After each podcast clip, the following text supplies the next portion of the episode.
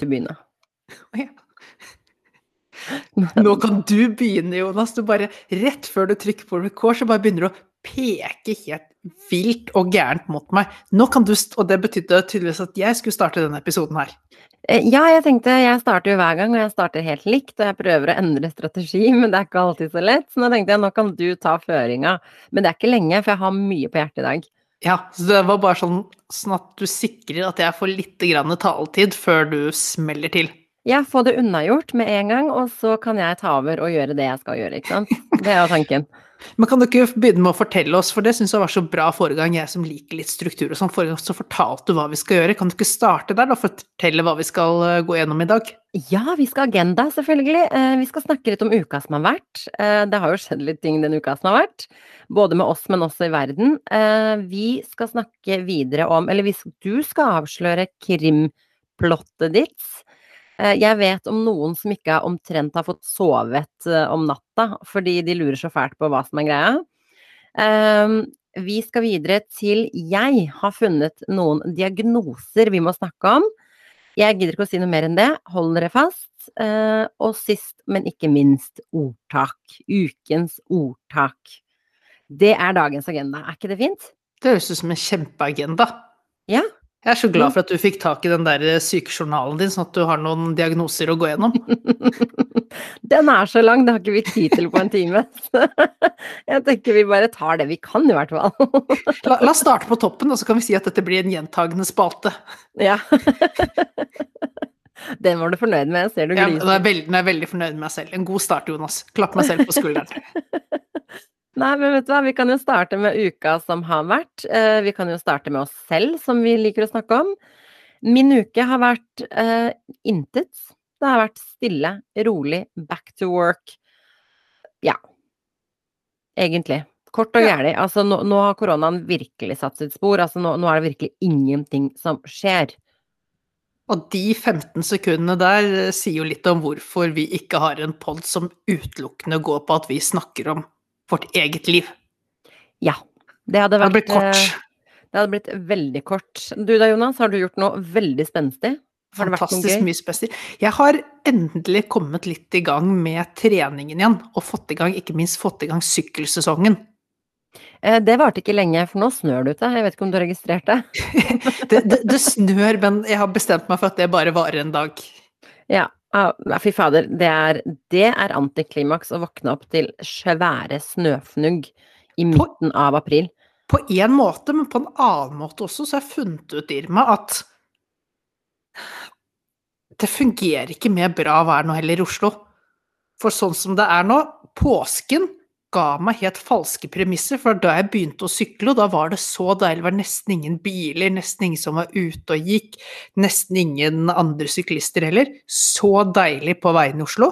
Så tenkte mm -hmm. jeg ok, men dette her kan jeg bli vant til, dette er bra. Men Oslo-folk har jo bare vært på hytta. For nå, ja. når jeg var ute i helgen, det var under ti grader, litt sånn vekslende sol, skyet, og det blåste kraftig. Likevel så sinnssykt mange mennesker ute. Ja, og det er det, og det må vi bare leve med. Og så skal ikke vi bli de som snakker om været eh, på, på podden, fordi det er så typisk norsk. Eh, det er typisk norsk, men det er typisk norsk å komme seg ut òg. Jeg har jo jeg har reflektert over dette, her, at jeg trodde jo det siste jeg kom til å savne med pandemien, var at man ikke kunne dra ut og ta seg en fest og drikke. Men jeg har funnet ut at jeg er helt avhengig av at en større del av befolkningen drar ut, tar seg en fest, drikker, sånn at de ikke er i slag til å komme seg opp på lørdag og søndag formiddag. Så jeg får den tiden ute for meg sjæl, i fred. Ja, nei, jeg skjønner det. Det kommer fortere enn du vet. Og apropos ja. det, så åpner England pubene sine nå neste uke.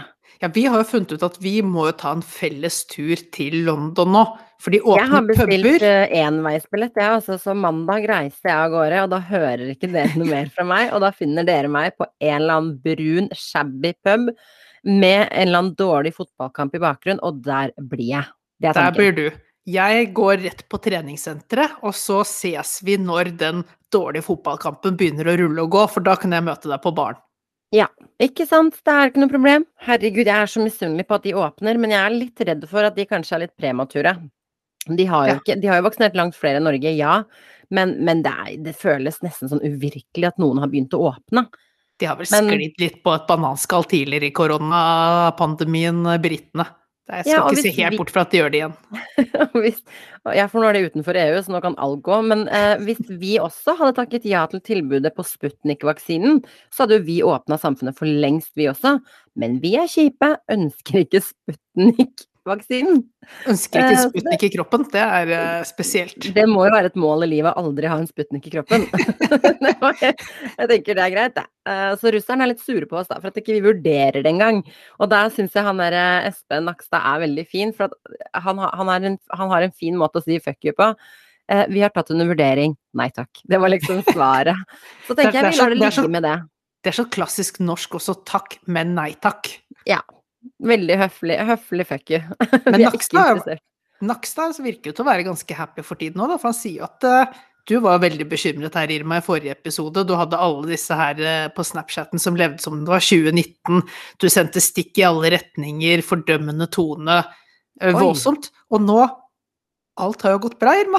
Ja, nå syns jeg du krisemaksimerer litt. Jeg ga litt kjeft uh, til diverse som, som så ut til at de levde i 2019, og det gjorde de. Men det viser seg at det er bare mine venner som holdt på sånn, fordi påsken har jo gått overraskende bra. Og det altså, alle andre har eh, holdt seg i kinnet, altså. alle andre har oppført seg, og så tenker jeg at er det ett sted jeg, har, jeg er helt ok med å ta feil, så er det der. Og det er jeg Det er veldig det glad for at jeg gjorde. Men de som har hatt en enda dårligere uke enn deg, sånn sett, da, som virkelig har på en måte blitt avslørt litt på at de tar feil, er jo disse konspirasjonsteoretikerne i Norge. Ja, De som ikke tror på korona. Ja, og, og det som er overraskende Nå snakker vi selvfølgelig da om denne saken. Hvor var dette her? Husker du? Det er ute på, ut på et sted. Ute på bygda si. Ut på bygda si. eh, Der er det da en gruppe mennesker som rett og slett har samla seg for å snakke om hvor mye de ikke tror på korona. Og Ja. resultatet av det er at av de, jeg husker ikke om det var ti mennesker eller hva det var, pluss minus, I Gran de er jo kommune. i Gran kommune, der er fire stykk dødd. Er det så mye som fire? Ja, jeg mener Jeg jeg har fått med én eller to, i hvert fall. Men tenk jeg dødd driver med med. Og, det, og det, man kan jo ikke helt si at de er dødd av korona, man kan i hvert fall si at de er dødd med korona i kroppen. Og det er jo mistenkelig i seg selv. Ja, og de har dødd i omkring samme tidsperiode etter denne samlingen hvor de diskuterte at korona ikke fins. Og der tenker jeg ikke kødd med mor natur. Eh, aldri? Det, det er jo det som er farlig med konspirasjonsteoretikere. Ja, altså, de blir så overbevist at de faktisk er villige til De tror så hardt på det at de setter seg selv i kjempefare. Eh, fordi det er så troverdig for dem. Ja, de lever jo sin helt egen virkelighet, med en helt egen sannhet. Og det som er at det går så prestisje i å tro på det etter hvert også, at, Mm. at de åpner ikke opp for input eller noen ting, og da er jo dette her litt krise for dem. Men det har faktisk skjedd én ting til som er Jeg vil si at det er enda mer krise for konspirasjonsteoretikerne i år. Og det er Denne uka her så var det en liten samling i Oslo hvor de skulle brenne munnbind. Ja, stemmer det. Og der har jo konspirasjonsteoretikerne har jo hatt én kjendis på laget så langt, og det er Kari Jakkesson. Mm. Nå fikk de backing nummer to, og du vet du har trådd gærent i livet når det er Kari Jakkesson og Charter-Svein som backer Som er support-systemet ditt. Når det er kjendisene som er ansiktet utad på, på det du mener, da, da må du gå i deg sjæl. Og jeg tenker jeg tenker jeg leste denne kommentaren til han Charter-Svein hvor han sa sånn Jeg er her for å støtte de som har fått nok. Og så Ja. tenker jeg vi alle har fått nok, og jeg er ganske sikker på at du ikke støtter meg, fordi av sånne som deg, så må sånne som meg sitte inne isolert hele tiden på år, ett og et halvt år senere. Eh, Så ikke si at du støtter alle de som har fått nok, eh, for det er oss alle, faktisk. Det er ikke bare de som er sinna på munnbindene.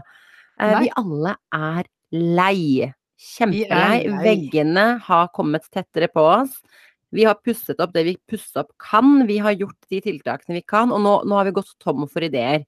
Så det eneste vi venter på nå, er sol, varme og en smule åpninger som regjeringa liksom litt, kan gi oss litt goder på veien fremover nå? Noen sånne trinn, for det det har kanskje også skjedd siden sist vi poddet med at nå har vi fått disse her s- gulrotene fremover i tid, at vi skal nå nye nivåer av å åpne opp samfunnet så lenge smitten går ned til et visst nivå. Så nå, nå Mhm. Men det er jo ikke sånn Jeg syns jo det er fint at de legger en plan, men jeg ser jo ikke på det som en sånn supergulrot, for det har jo ikke gått så lang tid at vi har glemt hva som eksisterer. Det er ikke noe sånn 'Å ja, søren, ja, festivaler og åpne restauranter og puber og sånt'. Det hadde jeg glemt at, at var en del av samfunnet. Nå ble jeg ekstremt motivert til å sitte inne litt til. Eh, nå er du feil publikum å, å, å besvare det. Jeg vil jo si at en påminnelse om at det kanskje i nærmeste fremtid er håp for festivaler, er en for oss festivalfolket, så er det en motivasjon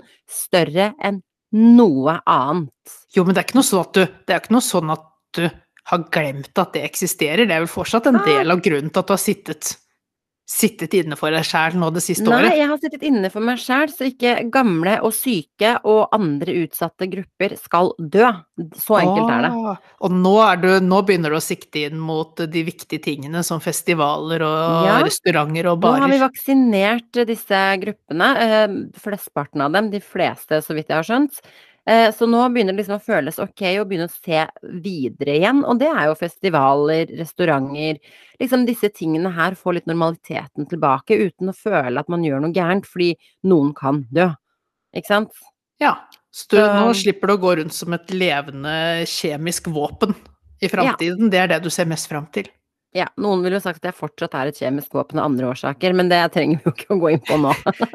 Det, det kommer vi tilbake til når vi skal inn i diagnosespalten, tenker jeg.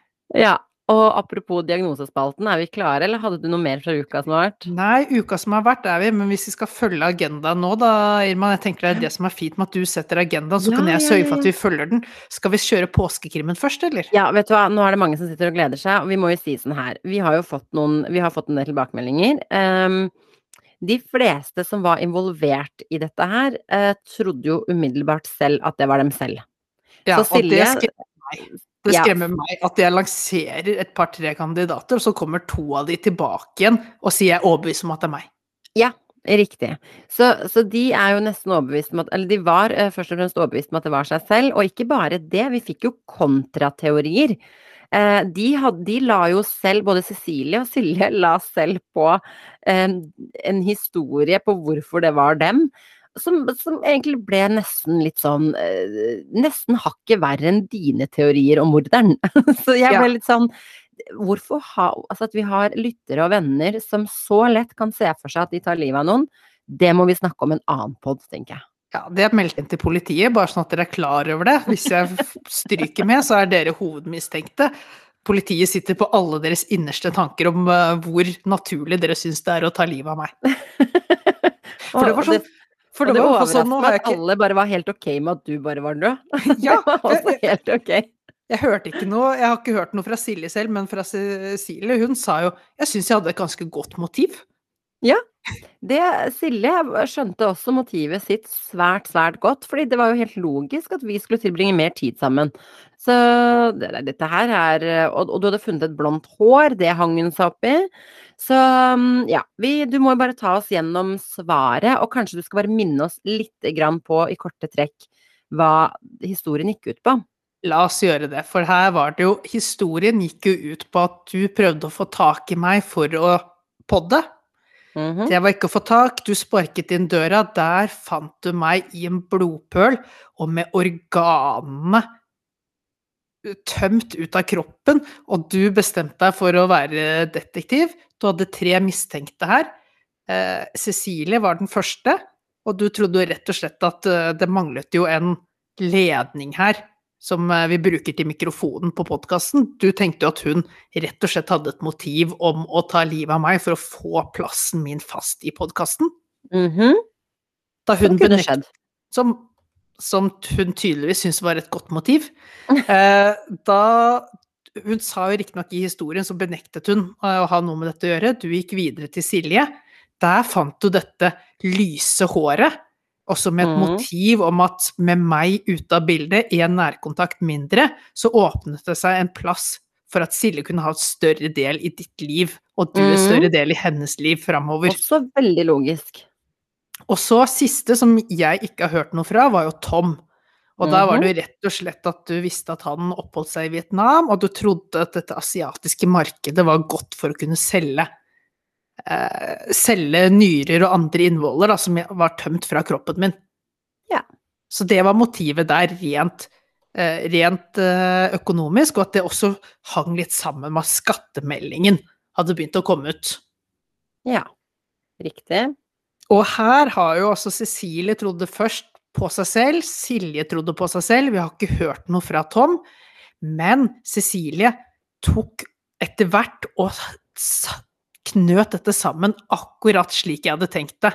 For her må du koble informasjonen som ligger fra åstedet, med kunnskap vi har delt tidligere i podden.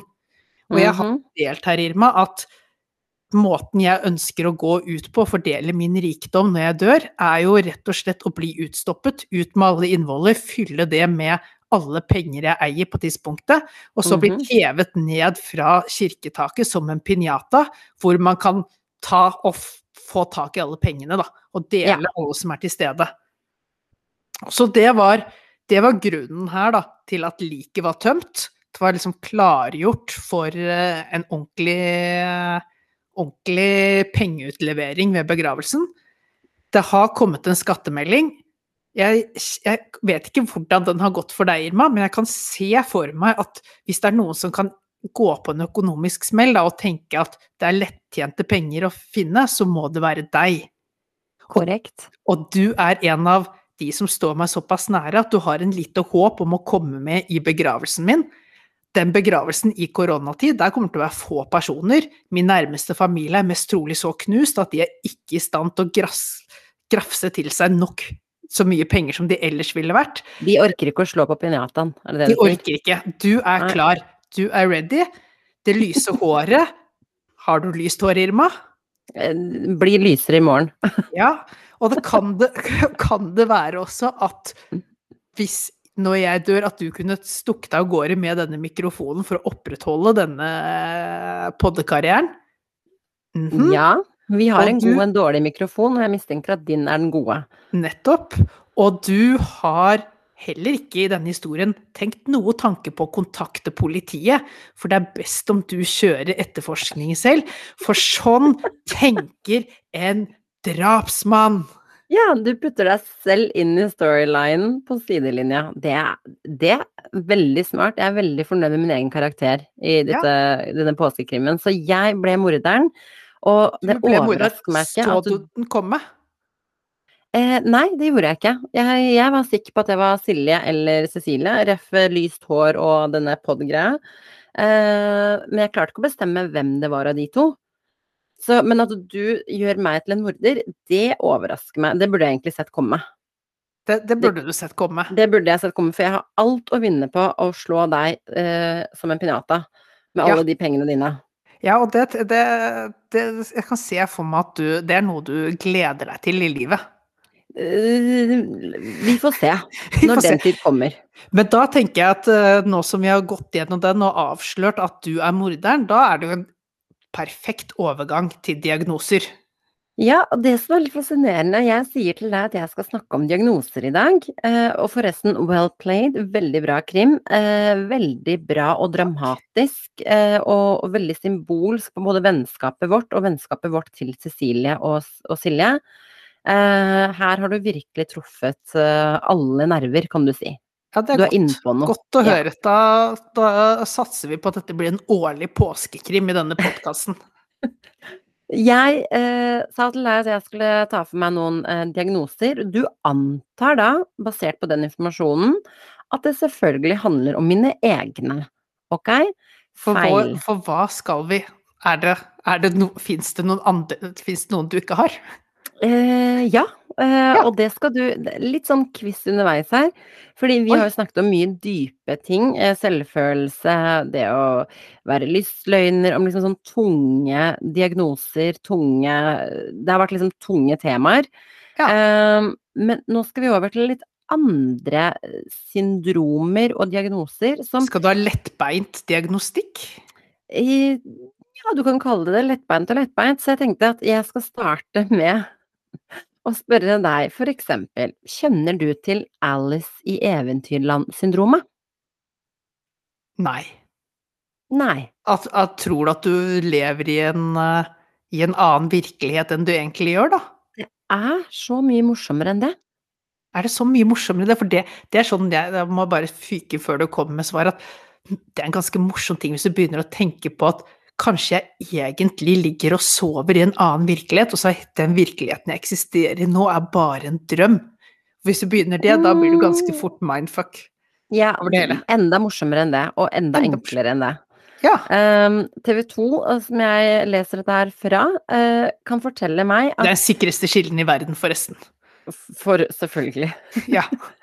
Personer med denne sykdommen ser ting som er mindre enn det de er. Det er altså ikke noe fysisk i veien med øynene deres, men synssenteret i hjernen viser ting om mennesker og deler av mennesker som mindre. Det er jo Altså- det siste vi usikre menn trenger, at kvinner kommer med Alice Ja. Eventyrland-syndrom. Det er akkurat det jeg skulle til å si. Det er nettopp det. Det er jo dumt at kvinner har dette syndromet eh, når de møter menn. Eh, så jeg tenker Men fascinerende. Jeg tror kanskje jeg hadde ledd litt hvis jeg en dag våkna, og det ene, den ene armen din, Jonas, var miniatyr, mens resten av kroppen var normal. En sånn liten fyrstikk som stikker ut fra en ellers normal kropp. Ja, jeg tenker det hadde vært fascinerende. Dette det må jo nesten være. En, dette er nesten en uh, Nesten en diagnose man ønsker å ha, men det er jo I sånn pluss, Men Plutselig. plutselig så kanskje du undervurderer ting, da, hvis du for eksempel du, det du ser en sånn bitte liten stein på bakken, og så er det Kjæresten egentlig din, kjempe... Så er det kjæresten din, det bare går rett på. Dunk. Nei, altså du, kanskje du undervurderer evnene til din nye kjæreste? Hvem vet? Hvem vet? Du bare antar at ting er smått, så når du ser en liten tiss, så tenker du eh, ja ja, det er jo sikkert bare syndromet, og så viser det seg nei, søren, det var faktisk reelt. det var bare For, for kanskje vi menn kan snu på det. Det er, det er, det er tigangeren. Det du tror du ser.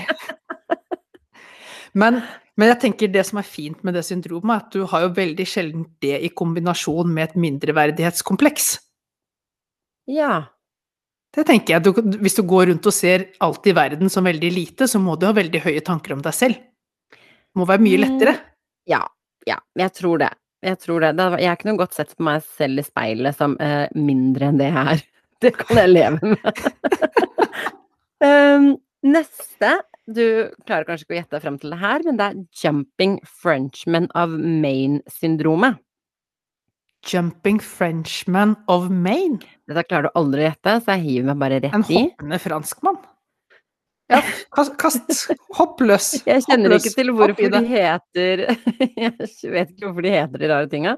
Det er ekstremt sjeldent, eh, og det er så weird. Det handler om at altså, mennesker som lider av dette her, vil jo ofte reagere på fremmede fraser ved å endeløst repetere disse. For eksempel, et, et typisk symptom er å gjøre hoppende bevegelse når de blir utsatt for høye lyder. Altså, det er jo en form for tics, uh, men jeg vet ikke hva jeg skal Altså, mye Altså, du hopper når du eksempel blir utsatt for en spesifikk lyd. Ha. Du gjør et hopp, og så gjør du det repeterende og repeterende, nesten sånn hysterisk. Det Blir jo en djevel på spenstopp, da. Men jeg tenker sånn, eh, det kan være spennende i samtaler, da, hvis du plutselig begynner å hoppe og bare blir stående og hoppe. Altså, vi hadde garantert dette her hadde ikke vært en podkast, men en YouTube-kanal om en av oss hadde hatt dette her. Det hadde vært for morsomt å bare sitte lyden, og så bare oi, spretter man opp. Uh, det Jeg tenker det er er et bra partytriks også. Ja, og så kan vi snakke om disse syndromene litt mer sånn uformelt, fordi det her er ytterst, ytterst få mennesker i verden som har, eh, og så vidt jeg Jeg skjønner, håper så det. Ja. Men det kommer ett syndrom her som vi må bare aldri få. Eh, Det vil Oi. komme til å ødelegge livet ditt fullstendig, og er mitt største mareritt. Oi, har, du fått en, har du fått jeg- mareritt, et marerittsyndrom nå? Ja, det er Nei, ja, nei, nesten. Altså, jeg gidder ikke å si hva det heter, for det avslører hele greia. Um, det er mennesker som, det er mennesker som har dette syndromet. De mangler et stoff som heter FM03 eller whatever. Og det svekker noen evner som gjør at alt av svette, urin og pust lukter som råtten fisk eller råtne egg. Oh.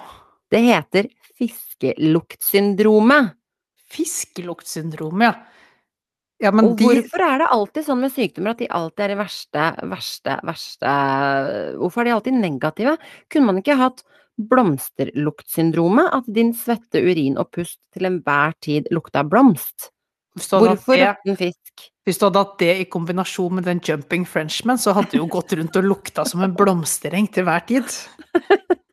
Ikke begynn å kombinere syndromet, det tror jeg ingen, ingen lege orker å forholde seg til. Jeg, ja, men jeg ønsker Jeg tenker hvis vi kan ta noen av disse her alvorlige syndromene, hvis vi kunne satt det sammen til en kombo som faktisk er positiv for mennesker, så hadde det vært en drøm. Beklager Ja, du har dette syndromet, men hvis du skaffer deg dette også, så kan du se hva de to til fellesskap kan gjøre. Og, det, og de sier jo sånn en ulykke kommer sjelden alene, så jeg vil tippe at hvis du først har pådratt deg fiskeluktsyndromet, så er du ikke langt unna eksempel eh, kapp, kappgras-syndrom. Kappgras? Ja, jeg vet ikke hvorfor det heter det. Det handler om at du tror Det er ekstremt sjelden lidelse, men du tror at en eller flere personer i ditt liv er erstattet med svindlere som utgir seg for å være disse personene. Åh. Det her er jo, det er jo litt sånn Da er vi rett tilbake til påskekrimmen, da. Ja, og, og du kan til og med oppfatte det selv som en svindler. Du kan se deg selv i speilet og være sånn Noen har inntatt meg. Du er sånn helt altså overbevist. Så hvis du slår sammen det, sammen fiskelukt og Alice in Wonderland, uh, alt er Men i, miniatyrsyndromet så, men i så tilfelle så har du fått en veldig liten person inn i deg som har uh, tatt over som eh, Så det går jo greit. En liten hoppende person En liten hoppende person. som lukter fisk. Ja. Så det er, eh, det er vi, skal, vi skal faktisk tenke litt over at vi har det egentlig ganske ok når det kommer til helse. Skjønner du? Aha, Jeg tar tenker lav selvfølelse eller whatever annet vi har snakket om, enn en mye av dette her. Men For det det vi, har, annerledes. det vi har snakket om, kommer nok Tipper jeg kan henges på dette her. Hvis du har denne fiskeluktsyndromet, så tror jeg, tror jeg det er vanskelig å booste selvfølelsen. Og da tror jeg du også sitter der, og så tenker, hører du gjennom vår podkast om selvfølelse, og så tenker du Disse har ikke skjønt noe som helst. Det de prater om, hvordan, hvordan, skal, det, hvordan skal jeg med fiskelukta mi ta det innover meg? Det er sant, det henger nok sannsynligvis sammen. Men det er i hvert fall um, Igjen, ta et pust i bakken og tenk over at du er heldig som ikke har fiskeluktsyndromet. La oss begynne der. Det, det, er liksom, det er det store marerittet her nå, det jeg forstått. Ja, så vi, vi, vi En liten appreciation-segment i podden. Vær så god, kjære lytter. vil du ha et minutts stillhet, liksom? Verdsette det hele? Det- Vi burde ha hatt det, faktisk. Vi burde hatt det. Ja, dette her, dette var gode diagnoser, eh, Irma. Hvordan i alle dager har du kommet fram til disse her? Nei, jeg satt og tenkte på det. Hva er liksom det rareste som kan skje oss mennesker? Hva er liksom sånn, vi, vi, altså, Sykdommer vi kjenner til, kjenner vi jo til. Vi vet hva det betyr, vi vet hvordan det slår ut, sånn typisk. Men så fins det alle disse andre tingene. Så jeg måtte bare google litt, undersøke litt, finne Alle ut av det. Men du har ikke funnet ut hva som forårsaker det? Og så er, liksom, er, dette, er dette genetisk, eller snakker vi ting du kan utvikle underveis i livet? Altså, er du nå sikker på at du aldri får fiskeluktsyndromet, eller er du kan dette Jeg får ikke mer informasjon, ikke sant. Og så tror jeg at her kan, man kanskje, her kan man kanskje bli litt gæren hvis man begynner å leite. For det blir sånn, hvis du kjenner på hodepine, så kan det være starten på fiskeluktsyndromet. Jeg orker jo ikke det. Jeg orker jo ikke å begynne med selvdiagnostisering. Men det er et syndrom jeg glemte. Oi! Og herregud, og det, apropos det, liksom, hvordan skjer det, og hvor lenge varer det, og hva er årsaken til det? Hold deg fast. Her er, det her er sjukt. Jerusalem-syndromet. Det rammer faktisk, de har statistikk på dette her, det rammer ca. 100 turister hvert år, og det er en sånn form for sånn religiøs psykose som oh. utløses når du besøker byen Jerusalem. Altså, det er helt uavhengig om du uh, har noe religiøs tilhørighet. Altså, det kan være meg og deg som ikke har tror på noen ting. Er du sikker på at det er helt uavhengig? Det står i hvert fall det, da, så jeg må jo stole på TV 2. Vi ble jo enige om at det er kilden til Er kilden. eh, Ja. Men Og det hva- hva fører- hva Ja, hva skjer? Eh, Hva skjer? Det, psykosen gjør at den som er rammet, tror at han eller hun er en profet eller budbringer fra Gud. Og da har jeg tenkt sånn Jeg tror kanskje jeg har en form for Jerusalem-syndromet, ikke Ja, sant? for jeg skulle til å spørre deg, har du vært i Jerusalem, Irma? Jeg har ikke vært i Jerusalem, men jeg har kanskje et sånn internasjonalt syndrome. Altså Ja. sånn globalsyndrome. Sånn jeg bare føler at jeg kanskje er litt hellig. Altså, jeg Eh, tror, jeg tror idet foreldrene dine bar deg ut fra sykehuset i Horten, eller kanskje du må til Tønsberg når du er fra Horten, så tror jeg du fikk det over deg. Jeg er sendt fra oven. Ja, og, og for å bekrefte hvordan Du kommer kanskje til å kjenne igjen noen av disse, noen av disse tegnene som kommer nå. Ja, for nå begynner jeg å lure på om vi beveger oss inn i den her fra morsomme diagnoser til morsomme, men også tilstedeværende hos deg. Ja. Og, og det er det jeg frykter, at jeg plutselig får en meltdown nå, for at jeg plutselig får det i fleisen hva jeg egentlig lider av. Fordi dette syndromet fører ofte til at mennesker som er da i denne psykosen, Mhm. eh, avholder gudstjenester og gir synsforlatelser og forsyner tilfeldige forbipasserende de anser for syndere. Og jeg ja, gjør jo du, noe annet enn det. Nei, du skriker jo shame, shame. Ja, altså ikke shame, shame, men altså jeg er jo, om ikke, om ikke jeg gjør det i religiøst, i religiøs sammensetning, Du, du forsyner er din egen. Du forsyner din egen, egne teorier og meninger Ja. som om du skulle vært en predikant. Ja, og om jeg ikke avholder gudstjenester, så, så, så er jeg i hvert fall flink til å preke. Du er du skjønner. flink til å preke, avholde vors, avholde nach. Det er det er mye lignende saker, ja. Og at jeg anser for tilfeldige forbipasserende som syndere, ja. Ja. Ikke sant? Og så er det morsomt at det syndromet her forsvinner vanligvis etter få uker, eller når den rammede forlater Jerusalem. ja. Så du er mentalt sett, så har du vært i Jerusalem hele ditt liv, du. da? Jeg lurer på om jeg har en tilhørighet til Jerusalem, faktisk. Jeg tror faktisk at kroppen din at, Eller at sjelen og hodet ditt er i Jerusalem, og så er det en spion som har overtatt kroppen din og lever i den nå, Irma. Jeg tror du har begge syndromene samtidig. Oi, oi, oi, oi, dette ble veldig personlig, og det går veldig hardt innpå meg at jeg plutselig kan sette et navn på alle disse lidelsene mine. Det er jo Ja. nydelig og, og veldig bekymringsverdig. For med en gang du kan sette navn på det, så er det en løsning på det, har jeg skjønt. Ja, og her er det tydeligvis å få, få de, deg mentalt sett ut av Jerusalem. Men jeg blir jo litt sånn Tenk å reise til Jerusalem, hvor jeg aldri har vært for øvrig. Og så løper det masse folk rundt og liksom eh, skal tilgi dine synder og, og liksom skal preke til deg på gata og sånn. Altså, jeg hadde jo blitt litt redd. Litt Du hadde blitt litt redd, samtidig så hadde du mer enn de fleste andre sagt unnskyld meg, dette har ikke du tid til. Vi kan Og ikke du, gå gjennom alle mine synder, og du, du, har, du har bedre ting å foreta deg. Og, og du må ikke kaste stein i glasshus, fordi her sitter du og preker du òg, til folket. Ikke sant? Med yes. dine meninger, ikke sant? Så Jeg sitter og preker, og jeg kaster synd på deg, og det er godt mulig at jeg også øh, sliter med Jerusalem-problemer her, altså. Jeg skal ikke, skal ikke, skal ikke kaste deg alene under bussen her. jeg her tar. Jerusalem-syndromet over fiskelukt any time of the day. Og, så, og med det sagt, så konkluderer jeg med de kloke ordene der. Den seksjonen der. Ja, men det her var øh, Dette her likte jeg, Irma. Lærte du noe nytt? Jeg lærte jo noe nytt. Jeg tror jo jeg tror ikke det er jeg tror ikke det er få av våre lyttere som sitter og sier Nei, dette her, det visste jeg fra før av.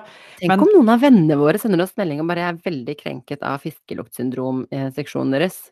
Prøv, prøv å ha Prøv liksom å ha litt forståelse. Ikke Ja. drite oss ut Oh på podkasten. Du gjør, gjør det enda vanskeligere å leve med dette stigmaet. Det er helt krise om det har skjedd. Helt krise. Helt krise. Nei, jeg, jeg tror jo, som sagt, jeg tror jo alle har lært noe her, men da er vi jo tilbake til dette her. Men det er ikke noe, det er ikke noe kunnskap du kan ta, bruke til noen ting, men nå vet dere om det. Vær så Nei. god. Men det kan være greit å, greit å være oppmerksom på Så Hvis det, hvis det er noen som lukter som fisk, så prøv å liksom ikke være ikke vær for krass. Det kan være syndrom. Ja.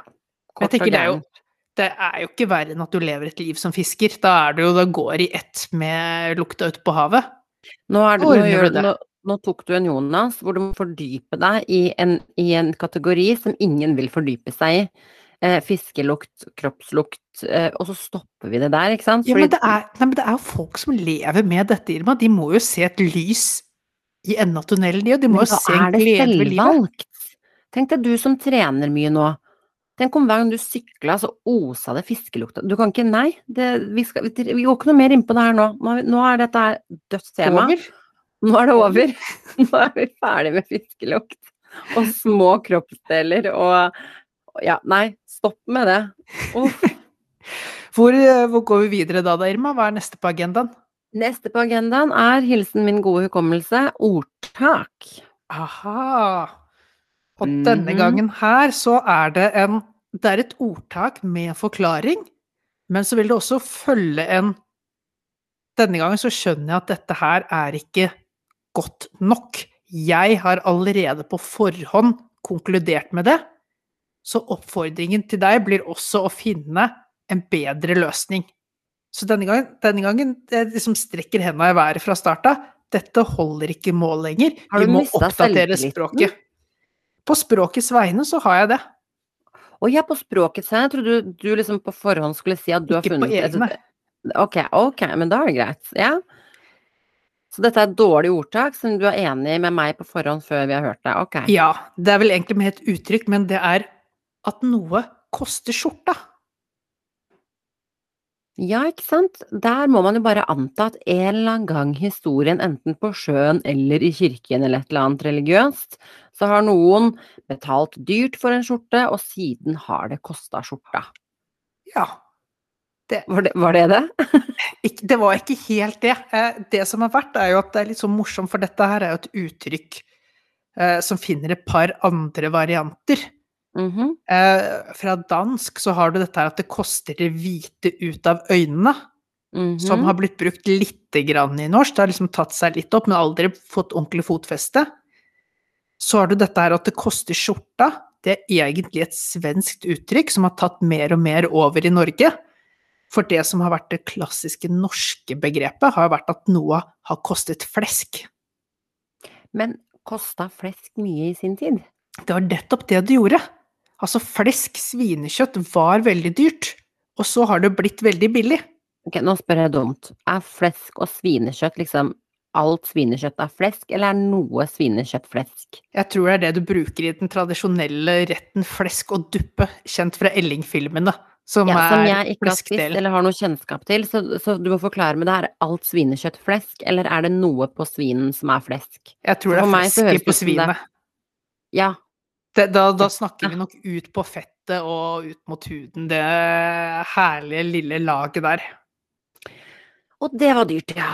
Men jeg kan jo Det- fortelle deg en ting, Jonas. Fettet mitt også har kosta ganske mye penger. Å, produsere opp, eller eh, å gi, Ja, eller å kjøpe, eller Dette flesket på denne svinen her har uh, tatt mange år, mye tålmodighet og mye innsats. Så den kan jeg gå med på, ja. Det, Ok, så den kan du gå med på, ja. Men for det jeg også Da gikk vi liksom vekk fra å koste flesk, for det fungerte ikke like bra. Flesk var ikke så dyrt. Til Mm. at det kosta skjorta. Og grunnen var ikke på død liv at skjorta var så eh, var så veldig dyr. Det var mer det at det vil du nødig gi fra deg. Altså det der at å gi fra deg skjorta, liksom. Det er jo det siste du ville gjort. Må du huske litt tilbake i tid, du var litt anstendig kledd og alt. Siste du ønsket å gi fra deg, var skjorta. Så det var liksom Kan noen fortelle det til, eh, til reality-deltakere på Ex on the Beach og sånn i dag? nettopp det, Irma, at nå har jo De gir fra seg skjorta helt gratis hele tiden. Samfunnet har jo skapt kjendiser og millionærer av folk som gratis kler av seg skjorta. Og da, Så kan man derfor- ikke, da koster det ikke skjorta lenger. Nettopp, det sitter å ikke si langt inne for folk å kaste og gi fra seg skjorta si. Det er derfor jeg sier til deg, Men dette her holder ikke mål, vi trenger noe nytt. Ja, men kunne vi snudd på det? Det koster deg skjorta å ha på deg den skjorta. Åh, Mm. det koster deg å ha på skjorta. Det koster å ha på skjorta. Det, Det, er det koster å ha på skjorta. For Ja. det, det er Det skal mye til for at folk beholder skjorta på nå til dags. Det koster flesk å ha på skjorta. Det koster flesk å ha på skjorta. Å, nå er jeg god! Nå er jeg så nå, nå kombinerer du og skaper noe helt ja, ja. nytt. Ja, men Ja. Dette, er, dette er veldig godt gjort. Eller egentlig, vet du hva, siden flesk ikke koster så mye i dag, det koster å ha på deg skjorta. Det koster å ha på seg skjorta. Ja, det gjør det. For i dag så er det nesten sånn at vi må begynne å betale folk for å ta på seg den skjorta, så vi slipper å se olja inn eh, 19-åringer med sixpacker. Det er ikke for å klage, men begynn å bli litt lei. Begynn å bli litt lei. Jeg syns Ja. ikke en sixpack er like gøy lenger, for nå har jeg det in my face hele tiden på TV. Lei av det. Det er lei av det. Du skulle få sånn der mindre syndrom, så hadde du bare sett en trepack istedenfor. Det hadde vært mye bedre. Men, eh, men da har vi jo rett og slett det. Det, for det, nå, kom, nå koster det å ha på seg skjorta. Du går glipp av mulighet til å fremstå som superdigg. Eh, Mm. mister muligheten i utrolig mange TV-programmer til å Mm. få litt eksponering. Du mister mulighet innenfor et stort og upcoming yrke som influenser. Og du Mm. mister muligheten da også masse penger knyttet til dette her. Ja, så det koster å ha på skjorta. Det er Det det koster å ha på skjorta. Ja, og det koster ikke lenger skjorta, det koster å ha på skjorta. Det er vi enige om nå. Ja, og det sånn sett kan vi redde den. Ellers er jeg enig med deg. Og det, det er fint at når, du, når vi snur verden på hodet, da, som vi jo tross alt gjør i en del sammenhenger fra tid til annen, at vi klarer å snu språket på hodet også, sånn at vi får med oss samme uttrykk, får med oss samme mening, bare at det makes sense. Ja, og det, og det, det er det vi jobber for. Vi jobber for en logikk i verden, ikke sant. Ting skal være logisk, eller så må de skrotes. Og jeg sier det på jobben min hele tiden. Når alle forteller meg om vanskelig store ting, så sier jeg dette gir ingen mening, og så bare Dette orker jeg ikke å høre på. Før du får det til å gi mening. Altså, det, det går ikke. Ting må være logisk. Du Ja. kan ikke bare gjøre ting for å gjøre ting og si ting for å si ting. Nei, og nå har vi virkelig har vi jobbet gjennom dette uttrykket, og så har vi lagt mening, sett, satt det inn i dagens samfunnsperspektiv. Er dette her, Mhm. nå, kan vi, nå kan vi være veldig fornøyd med oss selv, Irma, at dette er noe av det bedre arbeidet vi har gjort innenfor denne spaten. Enig, og da skulle jeg gjerne hørt eh, fra disse litt, eh, litt eh, våkne lytterne våre. Har dere noe bedre forslag til det koster å ha på skjorta? Der, jeg hører nesten Cecilie snakke litt i bakgrunnen, ikke sant? Jeg kan Ja, men velkommen, det velkommen til å hoppe til Wirkola og Eh, klikke ja. til her. Mhm. Og med mitt Jerusalem-syndrom så blir det ikke tatt godt imot, det kan jeg fortelle med en gang. Det blir Nei, en det synd. blir, det blir synd, synd, synd, men for guds skyld, spill det inn hvis dere har noen forslag. Ja. Ah, det var bra, det likte jeg. Det var- vi gjennom agendaen, ikke sant, så nå skal vi egentlig avslutte. Det glemmer. Det, det, der liksom legger vi aldri noen plan. Avslutningsplanen har vi aldri. Avrundingen, nei. Nei, Nei, der det, er vi ikke så gode. vi er ikke det, og da har folk sagt sånn, dere snakker bare for å snakke, men gud, hvor deilig er ikke det, da? Og hold det bare gående. Det er 99% av livet mitt, snakker bare for å snakke. Og, og syns du det er litt sånn deilig å vite at akkurat nå, fram til nå, så har vi produsert innhold, men akkurat nå så går lytterne rundt og hører på oss bare fordi de er satt i gang. Nå tar vi faktisk og sløser bort tiden deres bevisst. Og, Og de tillater det. Ja, men der stoppa de. Altså, så Ja. takk for at du gjorde dem bevisst på det. eh, Og med de kloke ordene tenker jeg vi bare like gjerne kan avslutte, for nå har de alle stoppa på den for lengst. Ja, da snakkes vi ikke neste uke, da. Eller kanskje. Jo, vi gjør jo det. Tusen takk igjen for at dere lyttet. Vi syns det er veldig gøy. Spennende å høre deres tilbakemelding på plotten på um, krimstoryen, på ordtaket, og potensielt om dere kjenner dere igjen i noen av syndromene. Dere trenger ikke å fortelle, for jeg kan forstå at det er veldig, veldig personlig. Eventuelt, eventuelt del med oss andre morsomme syndromer dere har, som Mm. vi kan ta opp. Dere har, ja. Så du bare antar Ja. at alle vennene våre har syndromer? Folk må jo, vi kjenner jo til sammen noen folk, de må ha noen morsomme syndromer. ja. Og med det sagt, mine damer og herrer, takk for at dere lyttet. Vi snakkes igjen om en liten uke. Ha en nydelig tirsdag videre.